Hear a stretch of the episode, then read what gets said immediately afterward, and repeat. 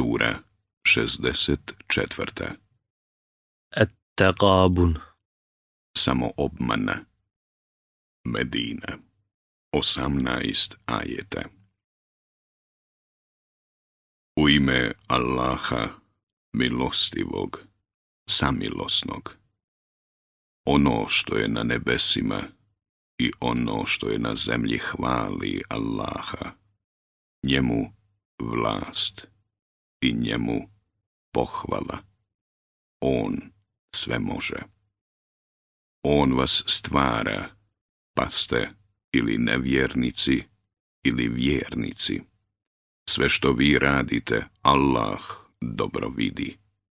On je nebesa i zemlju mudro stvorio i on vam obličje daje i likove vaše čini lijepim i njemu će se sve vratiti. On zna šta na nebesima i na zemlji postoji i zna šta krijete i šta pokazujete. Allah zna svačije misli. Zar do vas nije doprla vijest o onima koji još davno nisu vjerovali, pa su kobnost postupka svoga iskusili, a još ih i patnja nesnosna čeka? zato što su govorili kada su im poslanici njihovi jasne dokaze donosili. Zar da nas ljudi upućuju? I nisu vjerovali, i glave su okretali. A Allahu niko nije potreban. Allah nije ni o kome ovisan.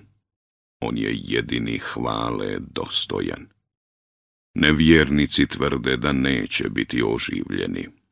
Reci, hoćete, gospodara mi moga, sigurno ćete biti oživljeni, pa o onome šta ste radili doista biti obavješteni.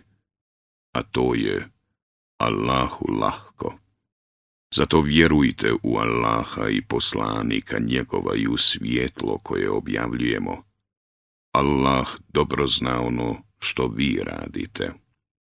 A onoga dana kada vas On na onome svijetu sakupi, to će biti dan kada će vam biti jasno da ste sami sebe obmanuli. I on će preći preko hrđavih postupaka onoga koje u Allaha vjerovao i dobra djela činio i uvešće ga u džennetske bašče kroz koje će rijeke teći. U njima će vječno i zauvijek boraviti. To će uspjeh veliki biti. A oni koji nisu vjerovali koji su ajete naše poricali, bit će stanovnici u vatri. U njoj će vječno ostati, a to će užasna sudbina biti. Nikakva nevolja se bez Allahove volje ne dogodi, a On će srce onoga koji Allaha vjeruje uputiti. Allah sve dobro zna. I pokoravajte se Allahu i poslaniku njegovu.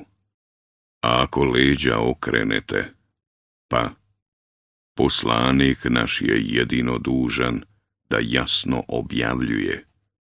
Samo je Allah Bog i neka se vjernici samo u Allaha pouzdaju.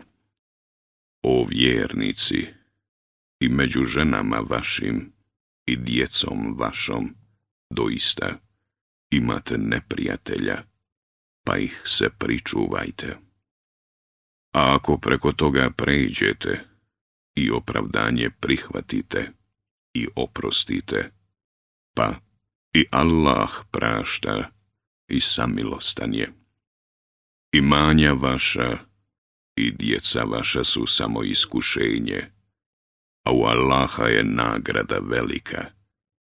Zato se Allaha bojite koliko god možete, i slušajte, i pokoravajte se, i milostinju udjeljujte za svoje dobro a oni koji budu sačuvani gramzljivosti, bit će ti koji će uspjeti. Ako Allahu drage volje zajam date, on će vam ga mnogostruko vratiti i oprostit će vam, jer Allah je blagodaran i blag. Poznavalac je nevidljivog i vidljivog svijeta, silni i mudri.